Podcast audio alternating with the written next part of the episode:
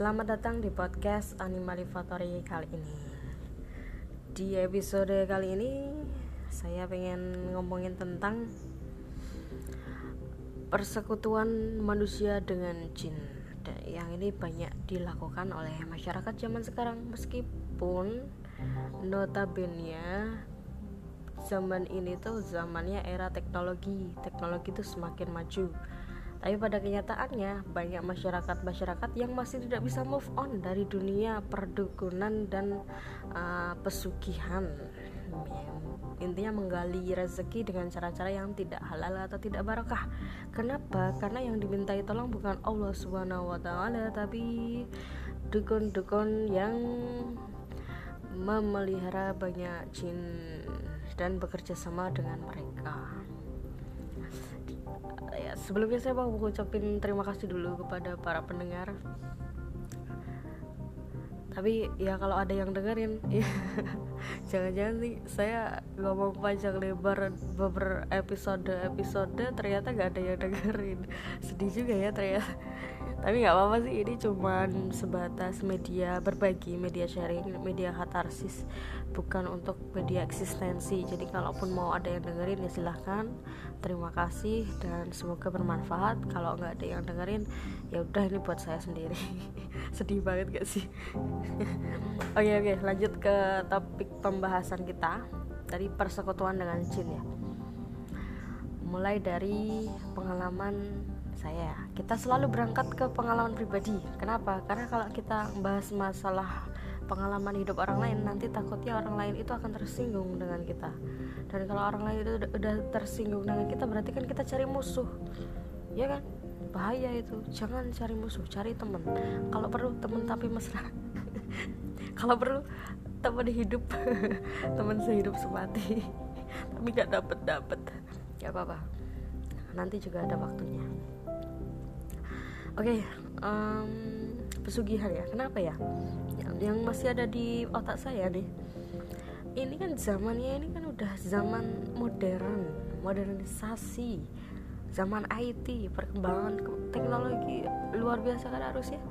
Tapi kenapa masih ada orang-orang kolot yang masih aja percaya dan menggantungkan nasibnya itu kepada jin?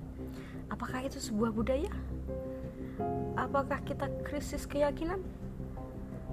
Dan itu semakin banyak gitu loh orang-orang yang main kayak begitu kan demi mencari kesejahteraan yang fana yaitu uang mengejar kesejahteraan yang fana yaitu rupiah. Gak akan ada habisnya kalau ngejarnya kayak gitu tuh. Itu materialis. Barang kan bisa hilang tapi kalau keyakinan keimanan kan kalau udah hilang udah hidup kita berakhir sampai di situ. Itu menggadaikan keimanannya sendiri untuk memperkaya memperkaya diri dengan sesuatu yang ilusi uang kan ilusi ya dengan ilusi. Dulu sebelum saya pindah rumah jadi saya ini baru pindah rumah sekitar dua hampir dua tahun jalan dua tahun. Sebelum saya pindah rumah rumah saya itu ada di Jalan Raya Jogja Solo Jalan Raya Jogja Solo ini lumayan ramai karena jalannya kan ya ramai banget sih. Jalannya tuh jalan provinsi jadi jalan utama yang sering digunakan lalu lalang semua kendaraan berbagai macam jenis kendaraan di pinggir jalan raya. Kalau alamatnya nggak usah lah disebutin nanti takut ada pihak-pihak yang tersinggung dan ternoda nama baiknya ya. Dan disclaimer dulu saya mohon maaf nanti kalau ada pihak-pihak tersinggung. Karena ini memang sengaja untuk menyinggung kalian. Dibikin untuk menyinggung kalian yang memainkan permainan kotor ini. Permainan kotor apa sih? Jadi gini teman-teman. Dulu saya dan keluarga itu buka bisnis warungan. Warung. Warung. Rumah makan lah rumah makan. Yang bisnisnya tuh berkembang dari yang awalnya apa warungnya kecil jadi gede jadi punya ini punya itu itulah. Tapi yang nggak laris-laris banget. Cuman kalau kalau mau dibandingin kalau masalah rasa ya masalah rasa masakannya ibu itu lebih, jauh lebih enak dari masakan-masakan warung lain. Ya mohon maaf nih siapa lagi yang mau muji ibu kita kalau bukan kita anaknya sendiri gitu. Iya yeah, gitu oke buka buka rumah makan di jalan Jogja Solo itu. Awalnya tuh rame ya tapi mungkin ke sini ke sini tuh uh, sepi. Sampai kemudian ibu saya tuh perharinya itu bisa tombok tombok dalam artian bukannya untung tapi malah rugi. Setiap hari ya setiap hari hampir 100 ribuan 100 ribu, 50 sampai 100 ribu itu rugi ya jualan kalau rugi sehari 100 ribu ya kalau sebulan berapa? Kalau setahun berapa itu ruginya? Bahaya juga kan? Dan itu terjadi selama bertahun-tahun. Ya kita keluarga kita itu bukan keluarga yang dari kalangan beragama yang religius-religius amat sih. Maksudnya moderate lah rata-rata.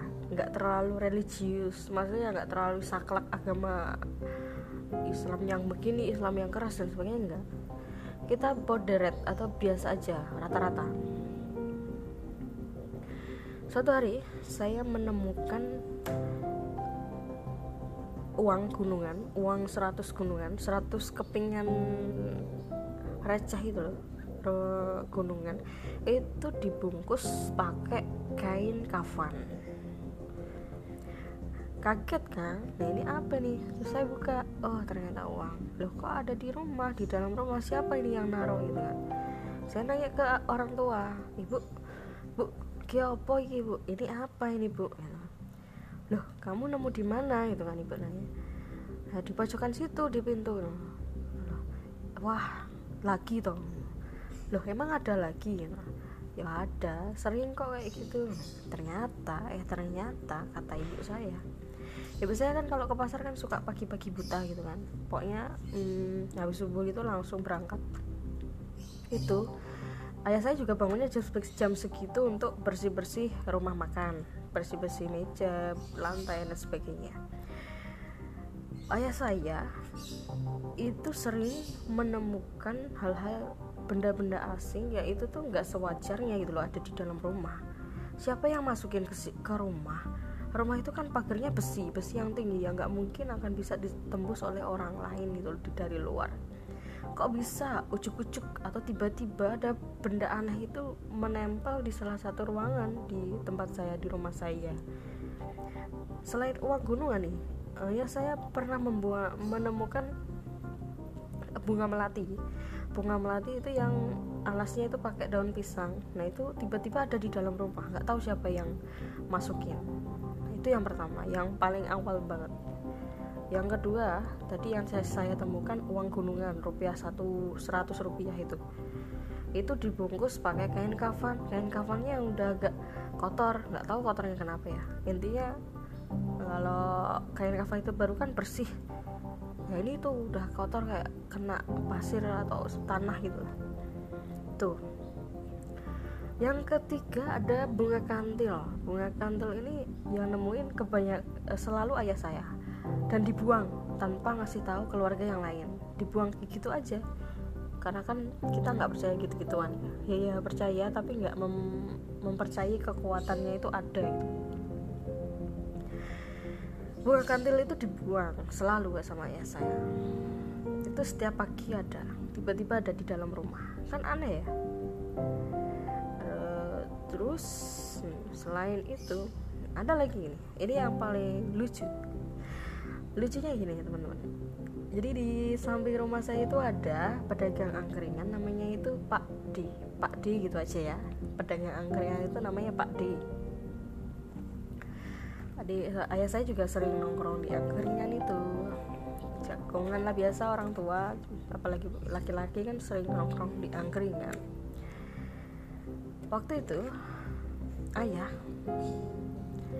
ayah tuh cerita sama si Pak di angkringan itu. Berkeluh kesah lah intinya. Kata-katanya nggak tahu ya saya udah lupa dan itu kan yang ngomong ayah saya bukan saya. Jadi saya nggak nggak inget tahu-tahu si Pak D ini bilang loh Pak Yo. Pak Yo itu kan ayah saya panggilannya Pak Yo.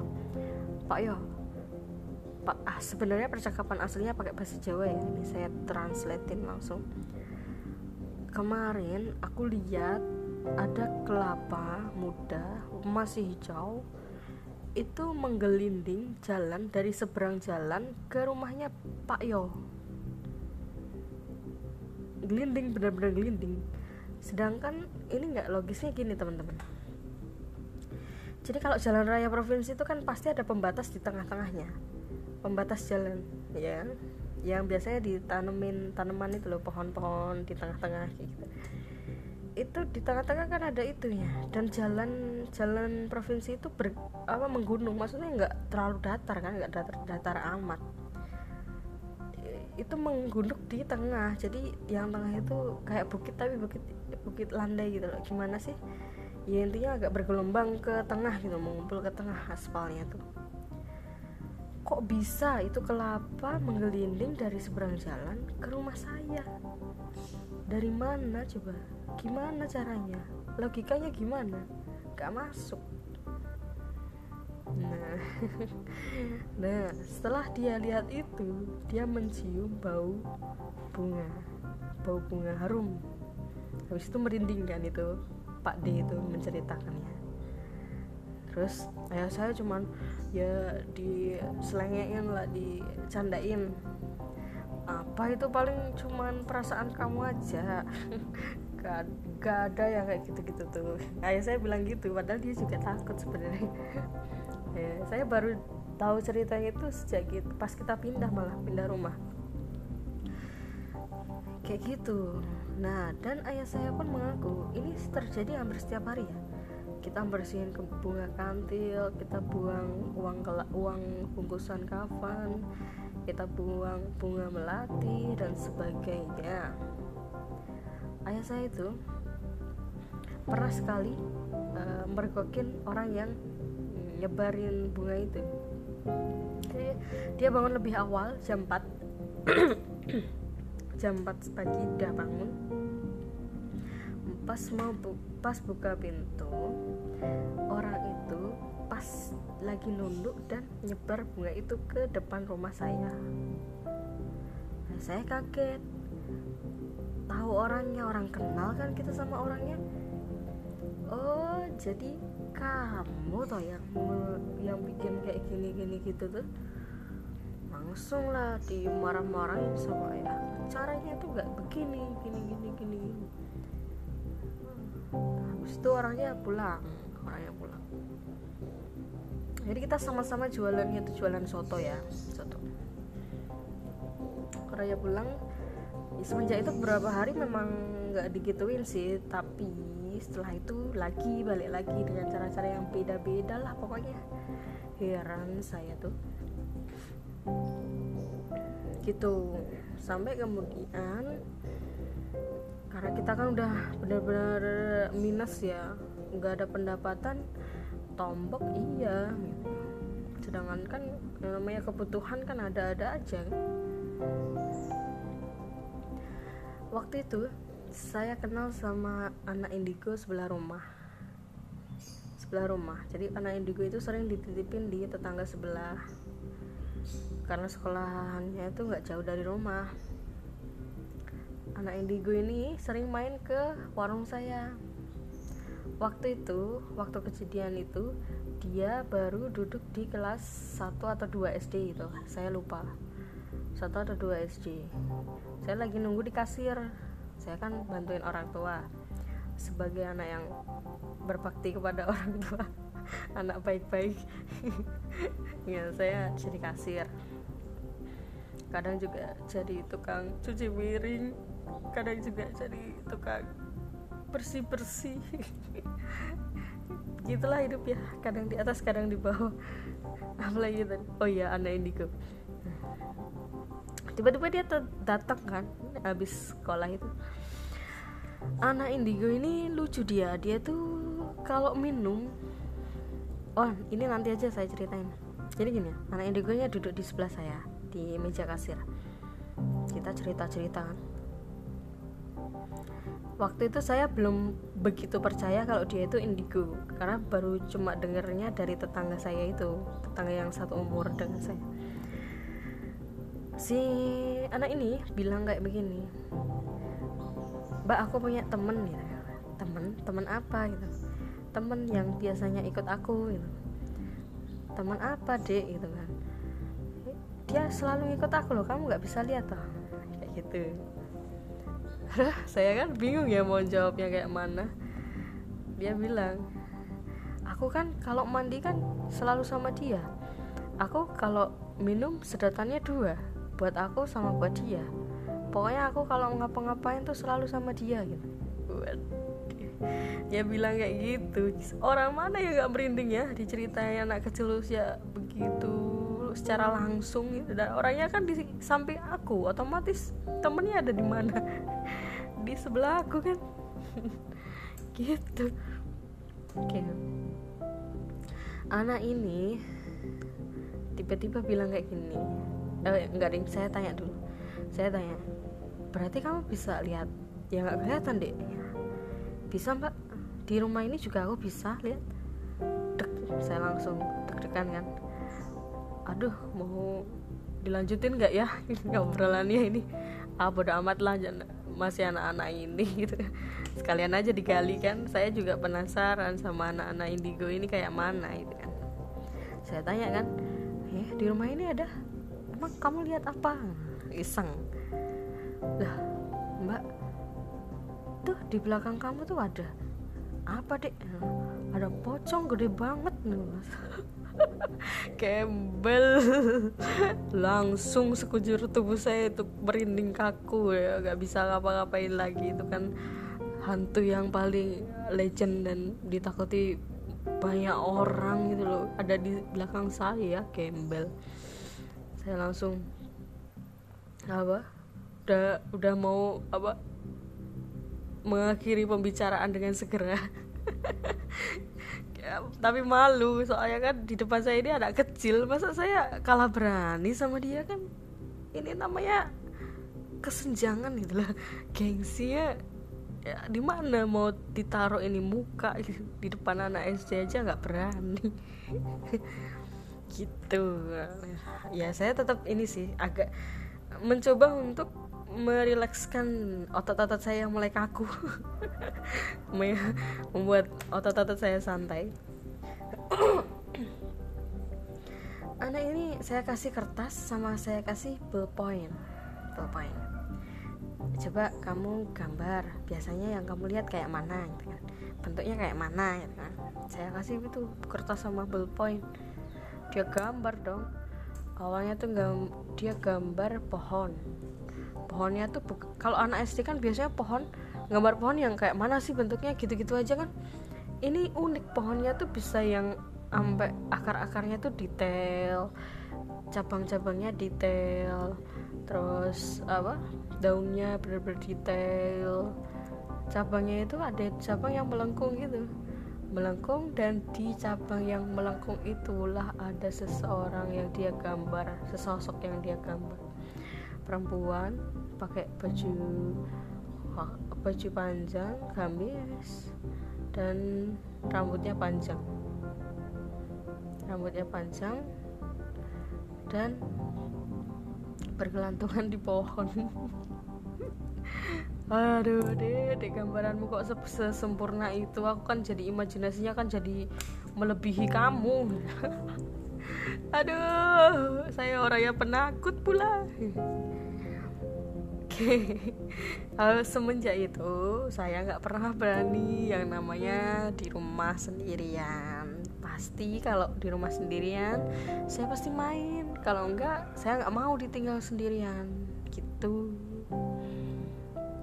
Terus kena ya makanya itu.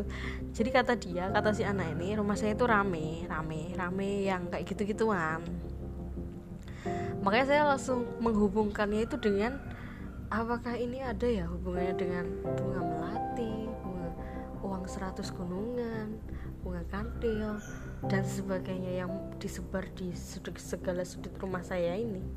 Walaupun kita nggak tahu ya pelakunya siapa cuma baru ketahuan satu aja itu. Saya rasa lebih dari satu pelakunya. Yang nggak suka dengan warung makan kami itu banyak nggak cuma satu. Kalau dihitung itu ya tiga orang lah tiga orang yang patut dicurigai gitu. Yang ketahuan baru yang depan yang belakang sama yang samping nggak ketahuan. Tapi saya yakin juga mainan kayak begitu. Dan oke okay, sewaktu apa yang kasus yang paling baru kan kelapa berjalan itu yang kelapa berjalan itu kan saya habis dari kosan Jogja pulang ke rumah terus tiba-tiba ada kelapa kelapa muda kan. Saya bilang sama ibu bu kok ada degan ya? Ayo dibikin dibikin es kayaknya seger. Gitu ibu bilang eh apa kui kui anu ya kayak gitu. Oh iki syarat ah terus aku ambil lah itu kelapa mudanya. Aku ambil tak doa doain pakai ayat korsi pakai al-fatihah kul ahad al-falak kafirun. Semuanya tak doain kayak begituan. Aku jambi-jambi itu pakai doa-doa. Aku doa ini di depan rumah biar kelihatan sama yang seberang warung warung seberang.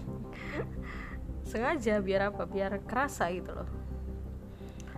Habis aku doa doain aku taruh di depan rumah terus tak tendang ke jalanan. Tak tahu habis itu hilang ke mana itu? Kelapa mudanya. Pokoknya gitu aja. Sebelum kelapa muda itu ditemukan banyak pelanggan yang bilang begini ke saya sama ibu. Kita kan selalu jualan terus ya. Kita selalu buka selalu buka warungnya nggak pernah tutup. Walaupun rugi tapi tetap sebisa mungkin kita buka lah lapar nah waktu itu pelanggan tuh pada kalau kita lihatnya ya kita kan dari dalam rumah. Kita lihatnya tuh pelanggan tuh berhenti di depan rumah kita tapi nggak melakukan interaksi dengan kita. Jadi kayak mau mampir udah parkir motor tiba-tiba balik lagi. Balik maksudnya pergi lagi gitu. Kita nggak tahu kan eh kenapa kok nggak jadi? Gitu. Mau manggil juga sungkan kan nanti dikira kayak ngejar-ngejar atau apa gitu ya udah dibiarin aja sama ibu. Eh beberapa hari kemudian si pelanggan datang lagi. Bilanglah dia ke ibu saya bu kok warungnya tutup tiga hari ya? Saya bolak-balik ke sini tutup terus nggak pernah buka. Nah, ibu kaget lah kaget. Loh pak saya tuh selalu buka ya kapan pak ke sininya? Di hari ini tanggal ini. Saya ke sini udah di depan ini. Tutup warung kamu tuh. Loh saya saya pak saya lihat kamu pak di depan udah parkir tapi kok nggak jadi masuk ya? Gitu ibu saya. Sama-sama bingung kan? Loh kok bisa? Ya udah ya udah lupain lupain. Daripada nakut nakutin pelanggannya kan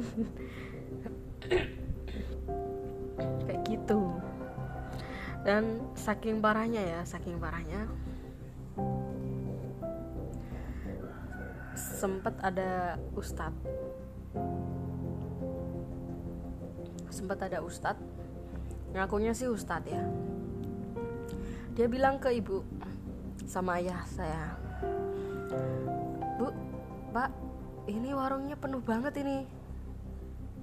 Penuh sama orang yang nggak suka gitu kan penuh kiriman dari orang yang nggak suka gitu. Ibu sama ayah ya cuman cengar cengkir mau ngapain lagi? Orang udah tahu kan? Iya pak terus gimana ya? Saya bisa ini bantuin. Soalnya nih kalau nggak dikeluarin keluarga ibu nggak akan damai. Pertama yang kedua ibu punya anak kan? Ya punya. Udah punya anaknya udah udah hamil belum udah mau punya cucu belum? Belum belum dikaruniai. Ya kan kakak saya kan tiga tahun menikah tapi belum belum juga dikaruniai anak. Nah waktu itu juga belum waktu datang. Terus ya bilang kayak gini ini harus diusir bu. Kalau enggak anak ibu ini nggak akan punya keturunan. Khawatir lah orang dibilangin kayak gitu. Kenyataannya emang kakak saya tiga tahun belum nih belum punya anak ya gimana orang nggak khawatir. Orang tua pula dengar kabar kayak gitu pasti khawatir. Kemudian ayah ayah bilang ayah tuh bilangnya ke saya dek pit nah tadi ada orang ke sini Ustadz nawarin mau diusir nggak yang begini-beginiannya gitu. Kan kalau mau diusir biayanya sekian juta rupiah. Saya langsung ini namanya bukan ustadz ini namanya orang cari duit. Gak usah percaya sama kata-katanya. Kalau kita percaya kejadian. Kalau kita cuek kita nggak percaya nggak akan kejadian kok. Kayak gitu yang penting ayah tuh doa aja sama Tuhan sama Allah. Ibu juga doa sama Allah. Gak usah percaya sama ayah. Begitu begituan kita menggantungkan nasib kita sama Allah gitu. Gitu. Udah ayah saya langsung diem. Oh ya udah kalau kamu maunya gitu ya bapak manut gak akan gak akan manggil ustadz atau apa gitu. Nggak usah. Gitu. Kok udah serah aja ya nih suara udah berapa menit ngomong? Udah, udah menit ke 26 masih banyak ini materinya nggak apa-apa ya lanjut. Terabas saja mohon maaf kalau suaranya kurang jelas ya. Gitu teman-teman. Ada ustadz yang nawarin kayak begitu. Semacam ya mengancam. Terus saya jadi teori teori-teori teori yang saya kumpulkan dari pengalaman-pengalaman ya Kayak begini, orang-orang yang menggunakan sihir, menggunakan pesugihan untuk mencari rezeki, itu pasti punya nilai ciri-cirinya itu pasti dia punya nilai minus di keluarganya. Maksudnya gini. Salah satu anggota keluarganya itu pasti ditumbalin. Itu yang pertama. Tumbalnya berupa apa? Tumbalnya bisa berupa anaknya cacat, cacat fisik bisa, cacat cacat mental juga bisa atau anaknya tuh broken troublemaker troublemaker. Nakalnya minta ampun. Itu bisa loh jadi indikator kalau si orang ini tuh mm, bekerja sama dengan jin untuk mencari rezeki itu. Coba amati di sekitar teman-teman.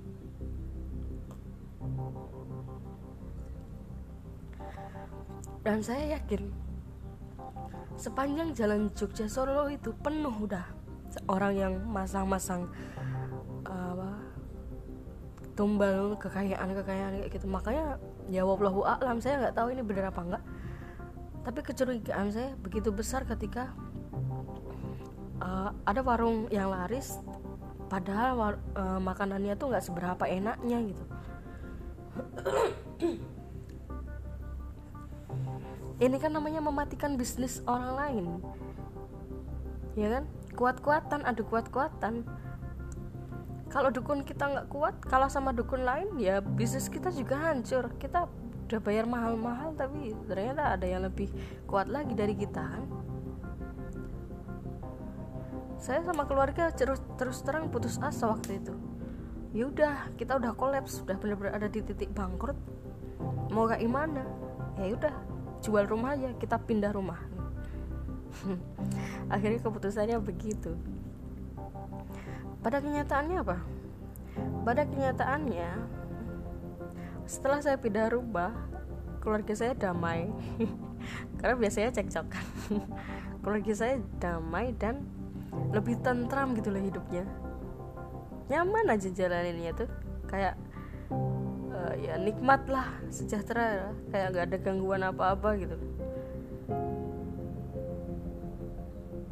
Ya gitu gara-gara itu faktor itu tadi. Rumah saya yang lama udah dikuasai hal-hal yang begitu dan itu susah untuk diusir teman-teman. Meskipun kita doa sholat zikir di sana hataban Quran di sana gitu itu tuh udah persekutuan dengan jinnya itu udah yang di level tinggi kayaknya. Jahat pokoknya orang-orang kayak gitu tuh. Memangnya uang tuh gini cari uang kok sebegitunya? Emang nggak ada cara-cara yang lain? Hah?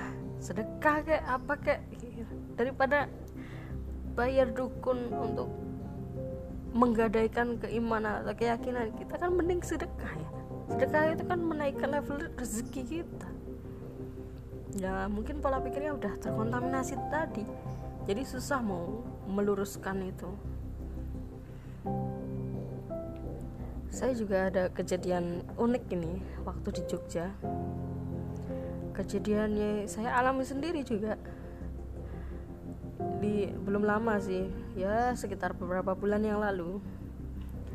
Saya sama teman saya itu makan di sebuah warung soto Lamongan di Jogja.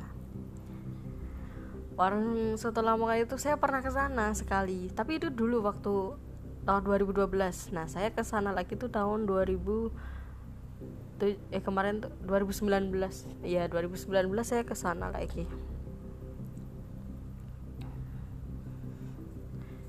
Apa waktu 2012 saya ke sana itu saya ingat banget ingat banget. Warung itu tuh sotonya bener-bener enak bener-bener enak.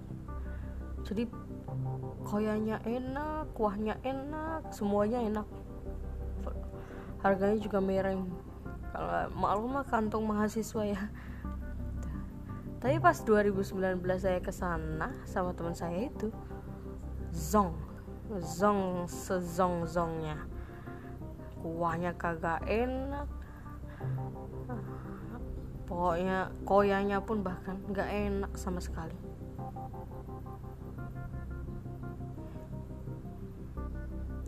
Jadi saya bisik-bisik sama teman saya bilang kayak gini. Ini kok rasanya kayak begini ya? Saya kan nggak enak ya saya yang ngajak ke warung itu ternyata rasanya nggak enak. Kan saya nggak enak sama teman yang saya ajak ini tuh kayak nggak kayak yang aku kenal dulu gitu kayaknya ini pakai deh pakai begitu begituan deh gitu kan. Nah, aku bilang gitu di warung itu makan di tempat kan kita. Habisnya yang ke sana tuh ya warung dari dindingnya tuh dari gedek. Tahu gedek nggak? Dari pring pohon pring yang di anyam gitu loh. Warungnya tuh cuman kayak gitu tapi yang jajan itu kayak Chinese kaum kaum kaya gitu gitulah kaum bermobil kaum kaum ber uh, apa berstatus sosial kalangan menengah atas lah. Dan itu laris banget. Sampai penuh itu tempatnya. Udah dia udah perluasan kan. Tapi tetap aja penuh tempatnya. Dan gak habis-habis pelanggannya tuh sampai antri rela berdiri nungguin yang satu satu dengan yang lainnya ini kan aneh ya orang makanannya aja kagak se seenaknya aku pikir kok bisa sampai antri berdiri berdiri kayak gitu? Aku bisa aku bilang kayak gitu ke tem di temenku ke temenku. Waktu kita makan di tempat itu. Pas kita mau bayar pas kita mau bayar kan ke kasir aku kan bawa dompet tapi dompetku aku titipin ke temen. Ada tiga orang. Saya si A sama si B gitu aja lah ya. Dompet saya itu saya titipin si A. Si B mau bayar si B mau bayar dia bayar duluan. Itu kayak bingung gitu loh dia tadi pesen apa gitu. jadi kayak gagu gitu loh ngomongnya ke kasir tuh e, pe, pe, pesen apa ya tadi? Dia lupa sama yang dia makan padahal kan cuma soto. Soto gak pakai nasi plus minumnya apa ya dulu itu? Teh tawar apa ya? Teh tawar. Kayak gitu aja susah ngomongnya. Kayak ada kak lidahnya tuh dibikin kaku gitu. Saya terlalu kelenik ya orangnya. Enggak tapi emang beneran kayak gitu kok. Ini saksi matanya ada pas si B buka dompet. Buka dompet. Di dalam dompetnya si B itu tiba-tiba ada foto saya dong. Foto saya yang hasil eh, foto formal yang mau buat ijazah itu ijazah S1 ada di situ di dompetnya dia. Gimana ceritanya dompet saya dibawa si A? Ya emang saya nyimpen foto-foto ijazah di situ tiba-tiba foto ijazah saya ada di dompetnya si B satu nyendil. Cuma satu nyendil. Dia bingung loh kok aku nyimpen foto kamu ya mbak? Aku bilang kamu ngefans ya sama aku nyampe fotoku disimpan kayak begitu? Ketawa ketawa gitu kan. Tapi dia dianya masih yang kayak orang linglung linglung gitu loh. Kayak kehilangan siapa dirinya. Dia lupa siapa dirinya. Mbak di parkiran kita masih bahas tuh eh kok bisa ya ini fotonya mbak ada di dompet aku ya aku nggak pernah naruh fotoku di dompetmu ya. Kurang kerjaan apa iya kan dompetnya mbak dibawa sama aku. Itu kata si A ya. Dibawa sama aku dari tadi. Dan aku nggak buka kok juga nggak buka. Setelah saya lihat-lihat fotonya di kosannya si B ternyata foto saya foto saya itu yang ada di dompetnya si B itu. Di tengah-tengahnya itu ada noda merah. Noda merahnya pakai pena. Ballpoint itu ballpoint warna merah dicoret di dada saya. Kok ini ada nodanya ya B? Gitu kan. Mana mana ya dicek. Oh iya benar. Nah ini apa artinya? Gitu kan mungkin kita itu lagi diancem supaya nggak ceritain ke orang-orang kalau soto ini tuh mengandung gitu-gituan Aduh, suara saya sampai serak. Udahlah ya, udah aja. Gitulah, pokoknya pesan saya ya, pesan. Ini kan udah memasuki era teknologi 4.0. Masih aja mikir dunia perdukunan masih aja mikir gimana nyari pesugihan masih aja mau kerja sama sama Chin di saat orang-orang kerja sama sama investor kerja sama sama asing. Masih aja mikir segitu cataknya gitu loh pikiran kalian tuh. Mbak udah jangan main dukun. Kalian tuh menggadaikan keimanan kalian untuk mendapatkan sesuatu yang fana yang itu cuma ilusi semata percaya deh gak akan berkah hidupnya. Come on hijrahlah. Kembalilah ke jalan yang lurus gitu. Dan jangan sekali-kali mengadakan perjanjian atau kerjasama dengan jin. Berbahaya itu menggadaikan keimanan kita yang harganya berkali-kali lipat lebih berharga dari apa pun yang paling berharga di dunia ini. Gitu. cari rezeki kan bisa dari mana aja. Dan rezeki itu bukan cuma berupa uang Allah jamin rezeki kita dan rezeki bukan cuma uang bisa jadi teman yang setia bisa jadi sehat yang tiada tara bisa jadi rasa nyaman di dalam dada rezeki macam-macam lah bentuknya dan gak usah jauh-jauh minta aja sama Allah pasti dikasih